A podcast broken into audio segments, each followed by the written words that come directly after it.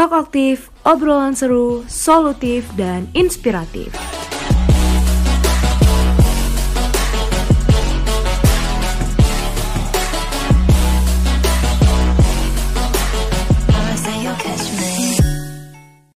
Halo guys, selamat datang, selamat berbelanja. Eh, kok belanja sih? Haha, canda ya guys. Selamat datang kembali di Talk Aktif BEM FEBUB 2021. Udah lama juga ya kita tidak bertegur sapa. Kira-kira nih, ada yang kangen gak ya sama aku?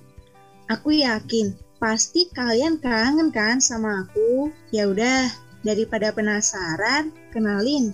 Aku Cinta Widyaningsi dari Manajemen 2020 sebagai aktif host pada kali ini.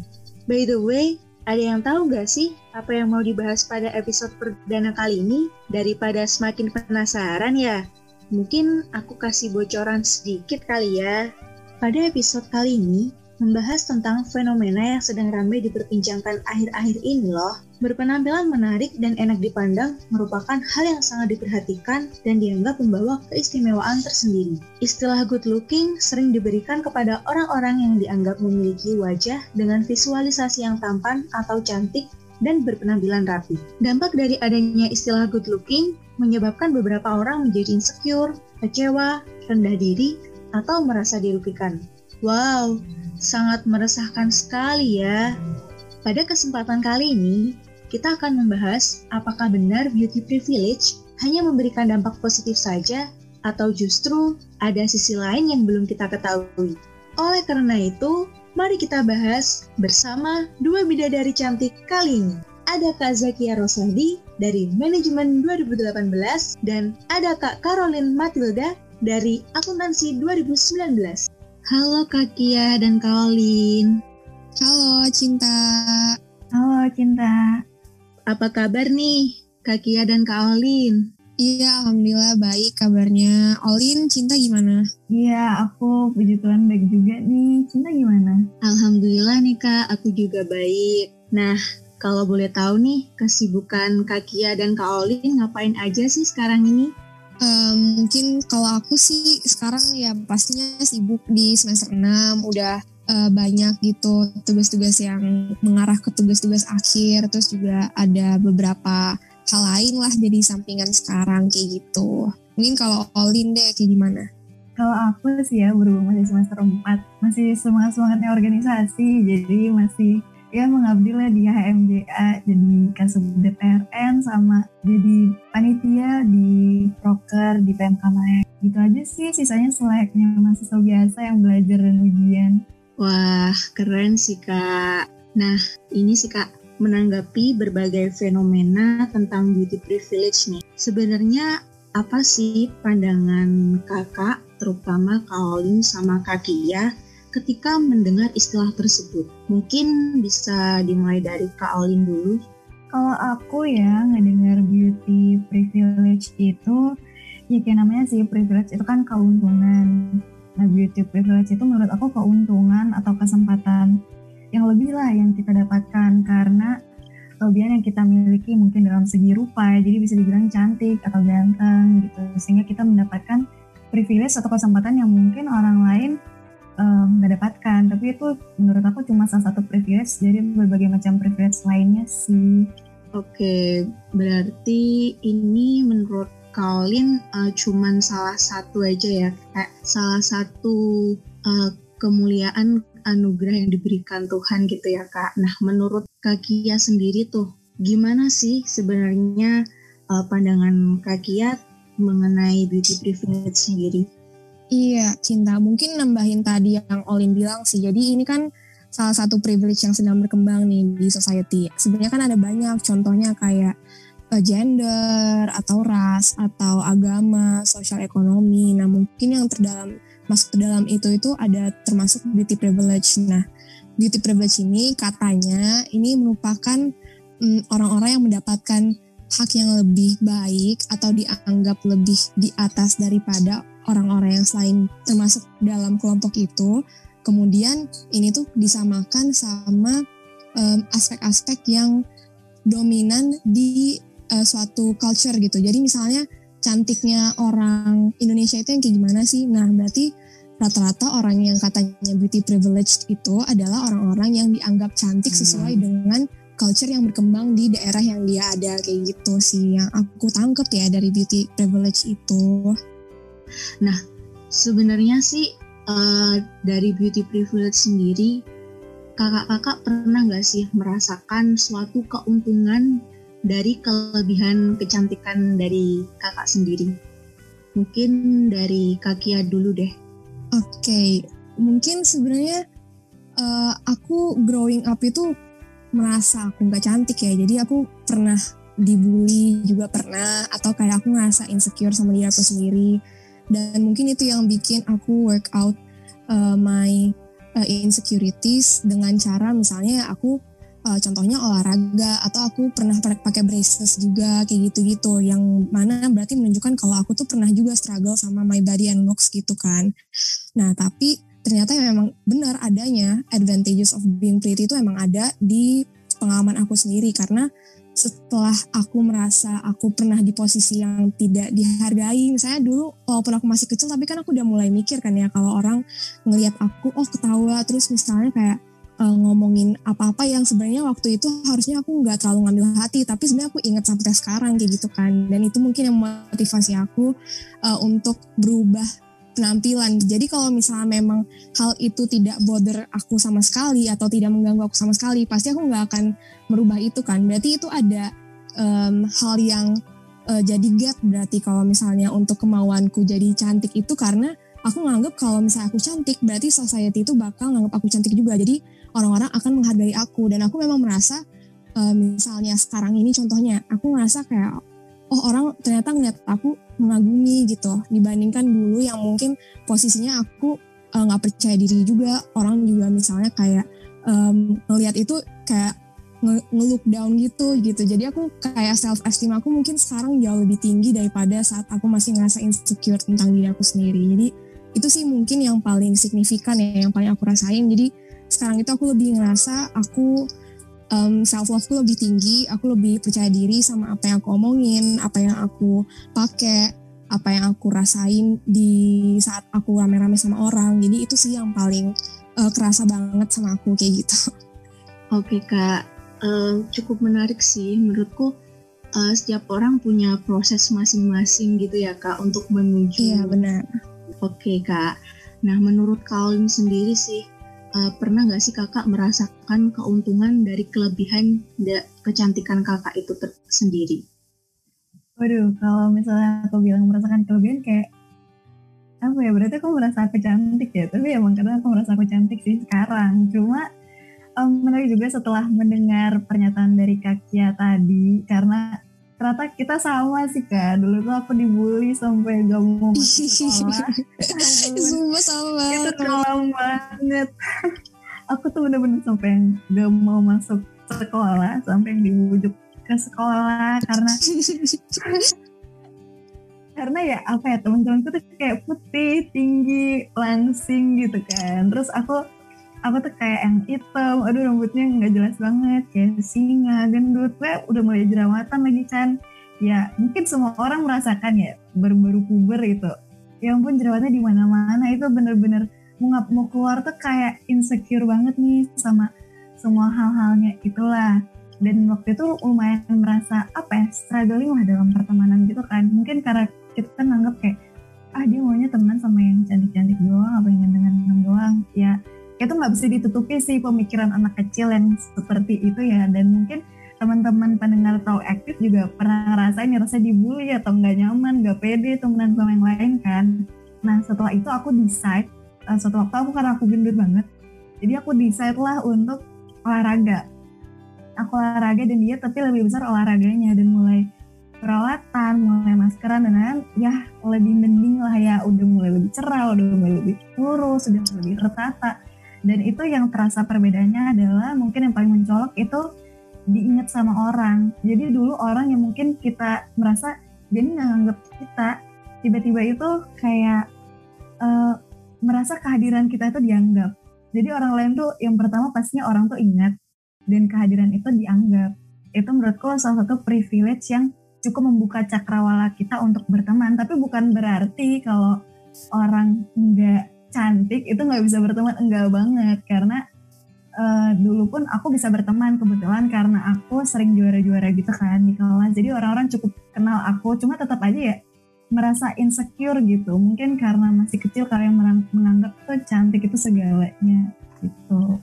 Jadi yang dirasa ya lebih diingat lah. Nah iya sih kak, aku dulu juga pernah sih kayak ngerasain sama Kak gitu.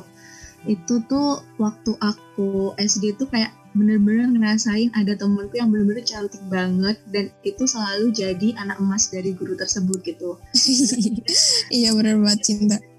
Gitu kan kak. Jadi kayak aku ngerasa, wah sebenarnya aku ini kurang apa gitu kan. Terus kayak aku belajar tiap hari tapi nilaiku cuma stuck di situ aja gitu pak tapi kalau anak itu uh, dia apa maju presentasi atau gimana gitu dia pun kayak udah dapet auto plus gitu loh nilainya tanpa maju pun dia udah dapet nilai itu gitu kak jadi kayak ngerasa wah ada yang nggak bener nih gitu kan tapi nggak mm -hmm. tahu dulu apa gitu kan dari kecil iya benar benar banget benar banget nah selanjutnya nih kakak pernah nggak sih mengalami sisi kelam ketika kakak memiliki beauty privilege ini? Mungkin dari Kaolin dulu deh. Oke, okay, ini kelanjutan story yang tadi ya. Jadi setelah mungkin aku merasa lebih cantik, pertamanya tuh aku nggak, aku belum merasa nih kayak, oh gila gue udah cantik nih. Belum gitu. Karena masih tertanam lah kata-kata orang-orang kayak si hitam, si gendut, si keriting tuh masih ada banget. Ya ibaratnya kayak film imperfect lah. Kalau kalian kebayang tuh aku banget. Itu aku nonton itu sampai nangis. Karena bener-bener relate banget. Sumpah aku juga iya kan? Itu kalau kalian masih ada yang insecure tuh kalian bisa nonton ke sana karena itu lumayan membangun confidence sih menurut aku. Dan uh, setelah itu mungkin aku mulai merasa kayak orang-orang kok beda ya mulai adalah yang kayak um, lebih pengakuannya tuh lebih ada lebih dianggap dan lain-lain. Terus ada nih satu titik kelam yang aku merasa kalau orang-orang tuh menganggap aku cuma cantik. Padahal dulu aku itu kan juara-juara gitu ya di kelas. Terus lumayan lah merasa pengakuan kayak oh ini anak pintar. Tapi setelah aku berubah menjadi ya grow up lah, itu orang tuh yang baru-baru kenal, aku merasa mereka itu menganggap aku kayak cuma ya udah ini anak cuma cantik kayak nggak punya kelebihan apa-apa dan sampai ada di titik kayak misalnya anak kelas lain gitu aku bilang aku juara satu loh di kelas gitu atau temanku masih itu eh dia juara satu loh terus orang-orang tuh kayak sumpah masa sih? Kok bisa?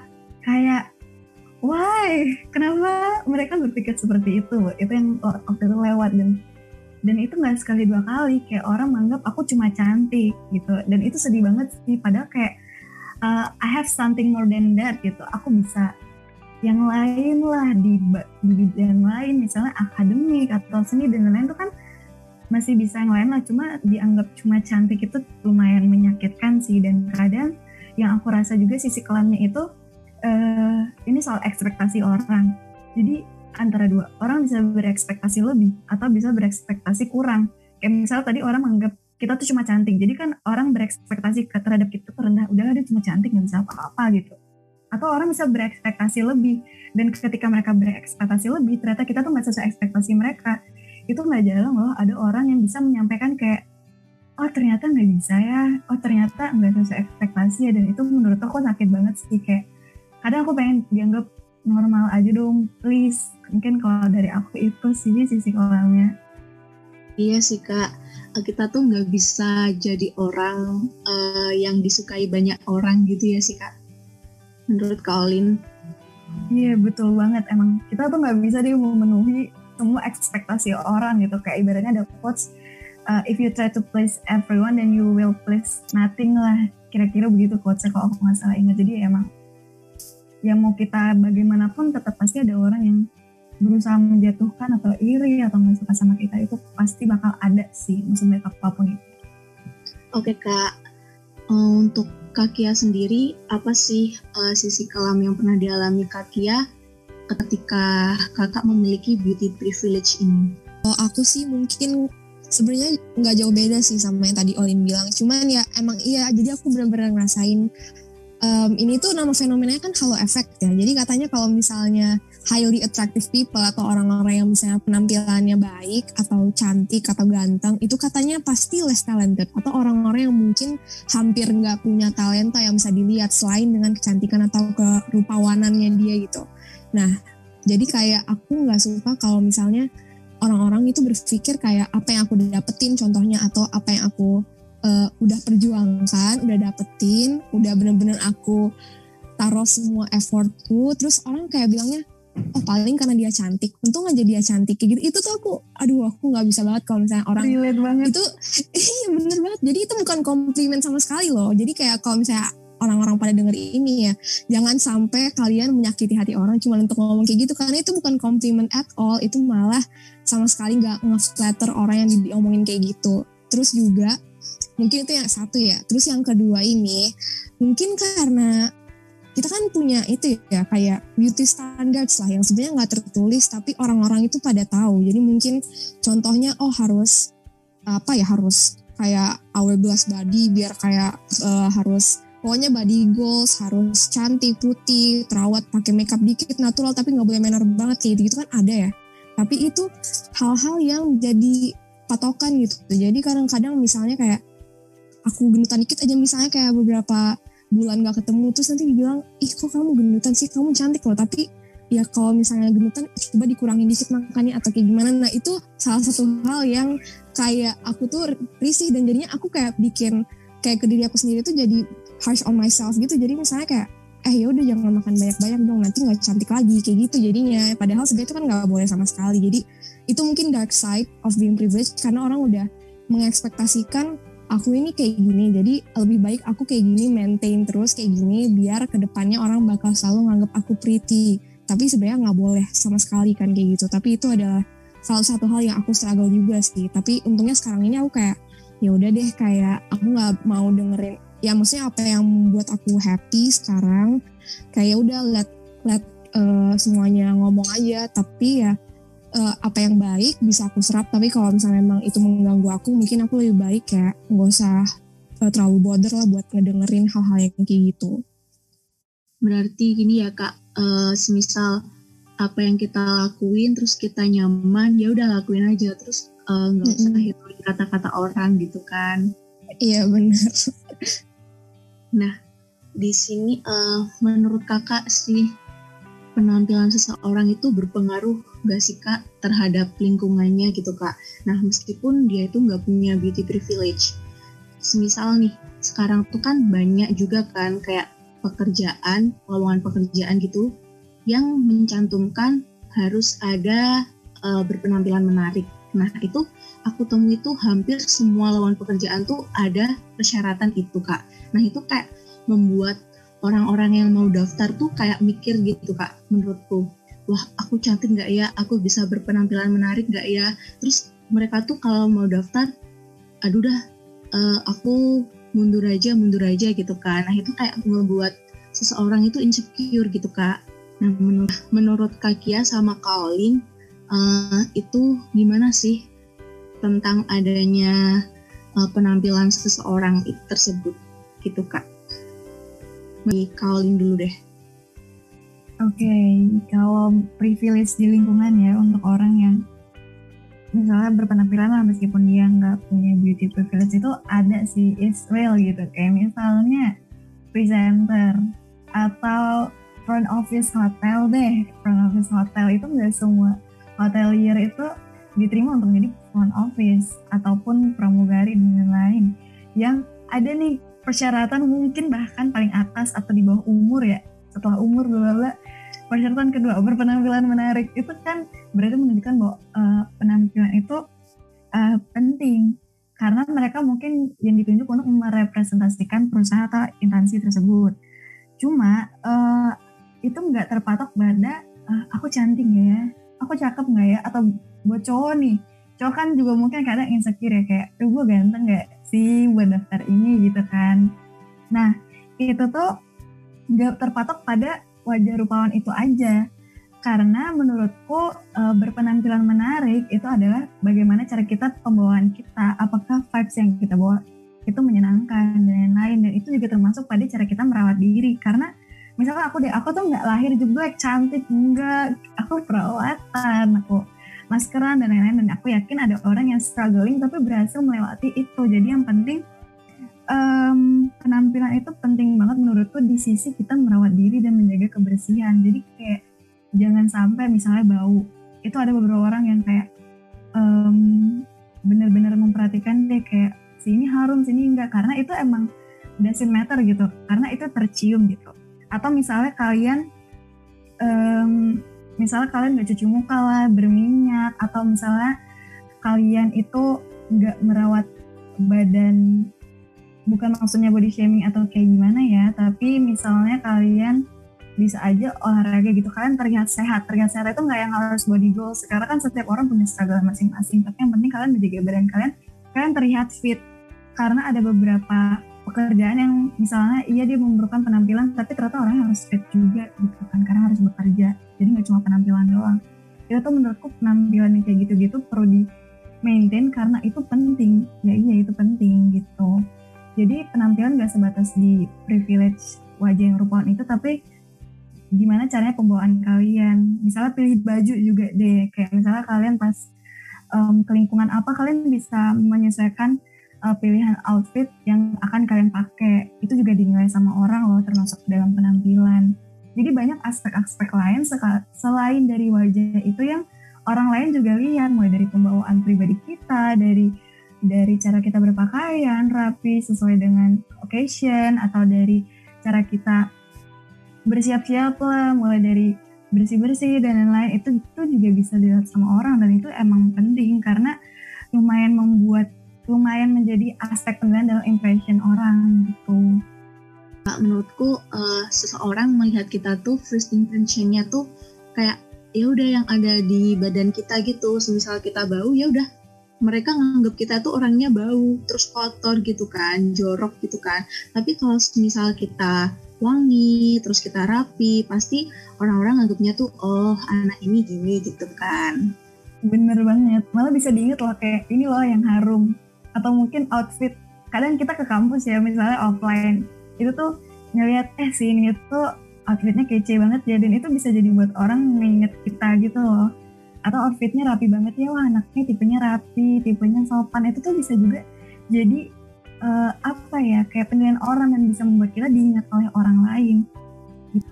Oh, kalau Kia sendiri nih seberapa penting penampilan seseorang itu berpengaruh pada lingkungannya kak okay, kalau menurut aku ya kayak penampilan orang atau physical attractiveness itu dia terpengaruh sama tiga hal. Jadi aku uh, pernah dengar gitu dari Veronica Utami sama Monica Odang. Jadi mereka tuh ngatain kalau misalnya tiga hal ini itu disingkat PIE, kayak apple pie, pineapple pie itu PIE. Jadi performance, image, sama exposure. Nah, P, P-nya itu untuk performance, di mana ya pastinya sebelum kita misalnya kayak tadi kita mau melanjutkan ke career path gitu setelah lulus, contohnya yang misalnya ada tentang berpenampilan menarik. Nah, itu mungkin kita harus tahu dulu kita bisa nggak capable nggak kita di situ. Kita punya skills, hard skills-nya nggak, leadership-nya, creativity, hal-hal yang memang menunjang sama pekerjaan yang kita mau. Jadi apakah kita memang cocok untuk role itu? Apakah kita memang orang yang bisa dianggap tinggi karena kita mempunyai hal-hal yang diinginkan sama mereka? Jadi kita harus tahu kalau misalnya kita itu punya scope semua yang mereka inginkan. Jadi kita harus show them kalau misalnya kita bisa, bisa di hal itu. Nah yang kedua itu image. Jadi anggap aja kita itu kayak sebuah brand gitu. Gimana kayak kalau misalnya kalian bayangin Pantene pasti kalian bayanginnya kayak oh iya berarti um, untuk menyehatkan rambut. Atau kalau misalnya kalian misalnya mikir tentang Tresme gitu kan itu adalah uh, salon untuk yang lebih profesional lagi gitu nah itu berarti kita belajar dari situ bagaimana kita menginginkan orang menganggap kita itu seperti apa. Jangan sampai orang menganggap kita itu secara otomatis saja. Jangan sampai kita tidak membuat brand kita sendiri, terus kita let orang untuk berpikir tentang sesuatu terhadap kita. Karena kita sebenarnya bisa mengontrol itu. Kita bisa uh, show up tentang apa yang kita inginkan untuk dilihat. Contohnya misalnya, oh berarti contohnya cinta pengen orang jadi orang yang stand for impact yang mau ngasih banyak uh, usefulness ke orang-orang di sekitar cinta. Nah itu kan salah satu brand yang cinta bisa buka gitu. Tanpa misalnya oh mungkin kok uh, Kakia cuma cantiknya doang, kayak nggak ada hal-hal yang bisa dilihat lagi. Nah ini brand yang bisa dibangun per individunya, nggak hanya perempuan aja yang cantik, nggak hanya jadi uh, ganteng doang yang dilihat. Jadi image itu harus dibangun dengan apa yang kita jadiin interest bagi kita, terus kita juga menambah itu sebagai hal yang bisa kita develop ke depannya untuk orang menganggap kita tuh seperti apa. Terus yang ketiga ini exposure. Jadi jangan sampai walaupun kita misalnya udah cantik nih, mau seganteng apa, mau secantik apa, kalau misalnya kita nggak nunjukin exposure kita, itu sama aja kita ngeblock ourselves from the biggest things in life. Jadi sama aja kita itu kayak sembunyi within ourselves, kayak kita sembunyi dalam diri kita sendiri. Jadi kayak uh, ya pokoknya ada batu gede yang menghalangi kita untuk mendapatkan hal-hal yang lebih baik ke depannya. Jadi jangan sampai nggak berani untuk menunjukkan diri kita sendiri terhadap orang-orang yang di sekitar kita. Karena mau segede apa pun potensi kita, mau secantik apa pun, mau serupawan apa pun, kalau kita shy away, nggak berani untuk menunjukin diri kita ya sama aja nol. Jadi uh, kita harus mempertahankan hal-hal yang berhubungan sama physical attractiveness yang gak cuma misalnya ya maintaining atau misalnya kita merawat diri sendiri, maintaining, terus juga merasa cantik dalam diri kita. Yang pasti kita harus build yang tiga tadi itu untuk jadi hal penunjang physical attractiveness yang mungkin bisa berpengaruh terhadap lingkungan yang kayak tadi cinta tanyain kayak gitu sih ya. Oke Kak Kia, uh, di sini aku banyak belajar sih. Uh, semisal kita tuh nggak boleh uh, apa mandang seseorang tuh hanya dari satu sisi aja gitu kan kak. Semisal yeah. ya semisal dari cantiknya doang terus dari pinternya doang itu kan juga nggak boleh kan. Jadi kita tuh eh, nggak uh, boleh seenaknya gitu kan. Nah aku di sini mau minta Kakia sama Kaolin uh, memberikan closing statement uh, pelurusan tentang beauty privilege ini sendiri. Nah, sebenarnya beauty privilege ini sendiri tuh bukan hal yang sangat utama gitu dalam kehidupan. Mungkin dari Kakia dulu deh. Oke, okay, mungkin kalau tentang beauty privilege ya sebagai hal yang tidak utama itu karena ya pas yang pasti kita tahu beauty itu temporary loh. Jadi orang yang cantik sekarang bisa jadi nantinya pas tua juga bakal hilang juga. Jadi beauty fades dan dia bakal banyak gitu pressure untuk nge-preserve how kita uh, how kita uh, be a good looking person towards other people. Jadi kalau misalnya kita fokus ke hal-hal yang di luar, mau kita skincare sejauh apa pun, tapi kalau misalnya hal yang mencerminkan itu di dalam kita atau kayak inside beauty, ya yang ada juga bakal lebih banyak buruknya yang timbulkan karena beauty privilege ini menurutku uh, suatu apa ya hal yang bukan menjadi hal yang kita kedepankan sekarang. Mungkin yang paling pentingnya sekarang itu adalah bagaimana kita bisa fokus ke hal-hal yang baik di dalam diri kita, terus kita proyeksikan cantik yang ada di dalam diri kita ini keluar. Jadi kalau misalnya kita merasa karena cantik itu power loh. Kalau misalnya kita merasa powerful terhadap diri kita, kita merasa confident nih, itu pastinya kita bakal ngedeteksiin apa-apa aja sih hal-hal yang baik dalam diri kita. Nah nantinya setelah kita punya image nih tentang diri kita sendiri dan kita tahu apa-apa aja yang baik di dalam diri kita, kita bakal gak sengaja memproyeksikan hal-hal yang baik itu keluar. Jadi orang pun yang ngelihat kita, misalnya tadinya kita nggak confident dan kita confident itu akan berbeda banget karena orang-orang yang confident itu terhadap diri mereka sendiri akan mengeluarkan energi yang radi radian gitu. Jadi orang-orang yang berada di sekitar orang yang confident, mereka akan merasa ke hype up juga bakal ngerasa terproyeksi juga kecantikan di dalam orang itu karena mereka menunjukkan bahwa power of attraction itu ada. Power of attraction itu adalah bagaimana kita nge-manage diri kita untuk tetap confident, untuk tetap cantik, untuk berpikir baik, positif. Nah, hal-hal yang baik itulah yang harus kita selalu proyeksikan keluar di sekitar orang kita. Jadi, gak ada lagi yang namanya maksudnya beauty privilege atau kita itu soalnya menjadi cantik itu untuk bikin orang lain juga merasa lebih cantik. Jadi, kita itu kayak membuka tes bagi orang untuk berpikir percaya diri juga terhadap diri dia sendiri. Jadi kita cantik bukan untuk menurunkan sisi orang yang lebih baik, yang lebih buruk merasa jadi lebih buruk lagi untuk diri mereka sendiri karena justru dengan kelebihan-kelebihan kita baik itu cantik, pinter atau apa, itu artinya kita ada di situ untuk mengembangkan bagaimana cara pola pikir orang untuk menutupi hal-hal yang jadi gap di di di society kita. Jadi yang cantik yang bikin orang masih cantik, yang pinter bikin orang merasa pinter juga. Yang pasti kita uh, mutualism lah gitu. Jadi sama-sama berhubungan untuk mengedepankan hal-hal yang lebih baik lagi untuk society kita ke depannya. Mungkin itu sih kayaknya poin yang bisa aku sampaikan. Oke Kak Kia, terima kasih. Nah untuk Kaolin sendiri bagaimana? Oke, menurutku ya, kalau beauty privilege itu just a thing gitu, not something. Jadi dia cuma salah satu hal dan bukan sesuatu yang um, benar-benar harga mati yang harus kita punya. Karena there is another privilege that you can find gitu, yang bisa kalian temukan, yang bisa kalian dapatkan, yang bisa kalian bahkan bisa kalian bangun. Jadi um, dan misalnya ya mau kita ngomong kayak gini pun tetap aja pasti bakal or ada orang di luar sana yang kayak tapi aku tuh mau cantik. Ya nggak apa-apa kalau kalian mau cantik. Ya udah kalian itu uh, rawat diri aja tapi ingat jangan jadi cantik itu untuk orang lain. Karena pada dasarnya kalau misalnya kita tolak ukurnya dengan pandangan orang lain terhadap kita itu nggak akan ada habisnya nggak akan ada ujungnya. Karena uh, pandangan setiap orang itu kan beda-beda ya. Jadi benar-benar nggak bakal ada ujungnya dan nggak akan bisa puas dan bakal ada uh, higher level lagi yang butuh di achieve gitu. Jadi kalian cantiklah um, untuk kalian merasa pede kayak misalnya aku ketika aku udah ngaca aja misalnya aku ngerasa kayak udah cantiknya aku udah cukup pede gitu untuk misalnya nge-MC atau ngomong di depan forum dan lain-lain. Dan itu jadinya bisa nge-embrace kemampuanku yang lain karena aku pede. Jadi kalau misalnya kalian merasa kalian butuh cantik untuk jadi pede dan itu emang karena keinginan dari diri kalian untuk kalian ya oke ayo kita berjuang gitu. tapi jangan sampai itu dengan tolak ukur orang lain.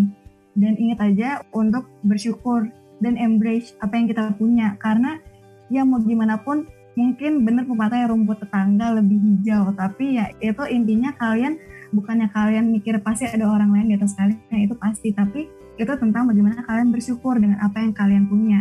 Kayak looks inside yourself what you have what you can improve. Karena dengan kalian mengetahui kelebihan kalian itu banyak privilege lain yang bisa kalian dapatkan. Karena emang there is nggak um, ada orang yang benar-benar sempurna gitu. Jadi kalian lihatlah apa yang kalian punya apa yang kalian bisa embrace kemampuan apa privilege apa yang bisa kalian dapatkan. Misalnya kalian merasa oh kelebihanku itu bisa bersosialisasi dengan baik loh. Aku tuh friendly. Ya itu ada kok privilege untuk orang yang friendly. Dia misalnya networkingnya banyak. Itu ada dan benar-benar banyak privilege lainnya yang bisa kalian dapatkan bisa kalian dapatkan atau bisa kalian bangun, kalian titi dari sekarang. Apa nih kelebihan kalian?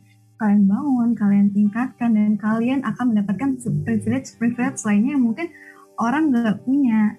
Jadi jangan selalu melihat ke orang lain, tapi kalian lihatlah apa yang bisa kalian kembangkan dari diri kalian. Melihat ke orang lain bagus untuk motivasi, tapi jangan sampai itu menjadi tolak ukur keberhasilan kalian karena itu um, merupakan sesuatu yang berbeda lah. Semua orang kan punya kesuksesan dan kelebihan masing-masing yang dikasih sama Tuhan. Jadi benar-benar perhatiin apa yang bisa kalian kembangkan dari diri kalian dan kalian bakal mendapatkan privilege itu.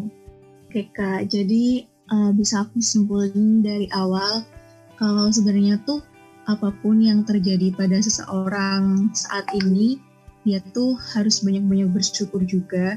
Meskipun dia terlahir kurang sempurna ada yang juga sempurna Nah itu pasti punya kekurangan dan kelebihan masing-masing gitu ya kak. Nah, semisal ada seseorang yang mungkin ada kekurangan, dia tuh kayak uh, pintar-pintar menutupi aja dengan kelebihannya gitu. Begitupun sebaliknya, jika mereka memiliki kelebihan yang banyak, jangan sampai kekurangan mereka tuh uh, apa ya menutupi kelebihannya gitu kak. Jadi kekurangan tersebut ditutup dengan kelebihan-kelebihan yang ada. Aku uh, yang dapat aku simpulin juga cantik itu bukan segalanya sih kak. Jadi cantik itu bukan sebuah patokan keberadaan kita di dunia ini. Jadi semisal kita menganggap uh, seseorang itu cuma cantik aja, itu kayak menganggapnya tuh ya udah mereka cantik tapi nggak punya apa-apa gitu. Nah kita kan juga nggak tahu mereka dulunya ngapain, terus mereka ke depannya juga ngapain. Nah jadi menurutku uh, setiap seorang punya jalan masing-masing, punya tujuan masing-masing yang sebenarnya tuh nggak perlu kita tahu gitu kan. Nah, tak terasa nih Kak, kita sudah di ujung acara nih Kak. Terima kasih untuk Kak Kia dan Kak Olin. Uh, semuanya tuh bakal termotivasi gitu Kak. Aku sendiri pun ngedenger Kak Kia sama Kak Olin jadi oh sebenarnya tuh gini gini gitu kan. Apalagi para listeners yang lain gitu kan Kak. Jadi di sini banyak sekali pelajaran yang aku ambil. Terima kasih buat Kak Kia dan Kak Olin. Sampai Terima jumpa. kasih, Cinta. Dadah, sampai jumpa.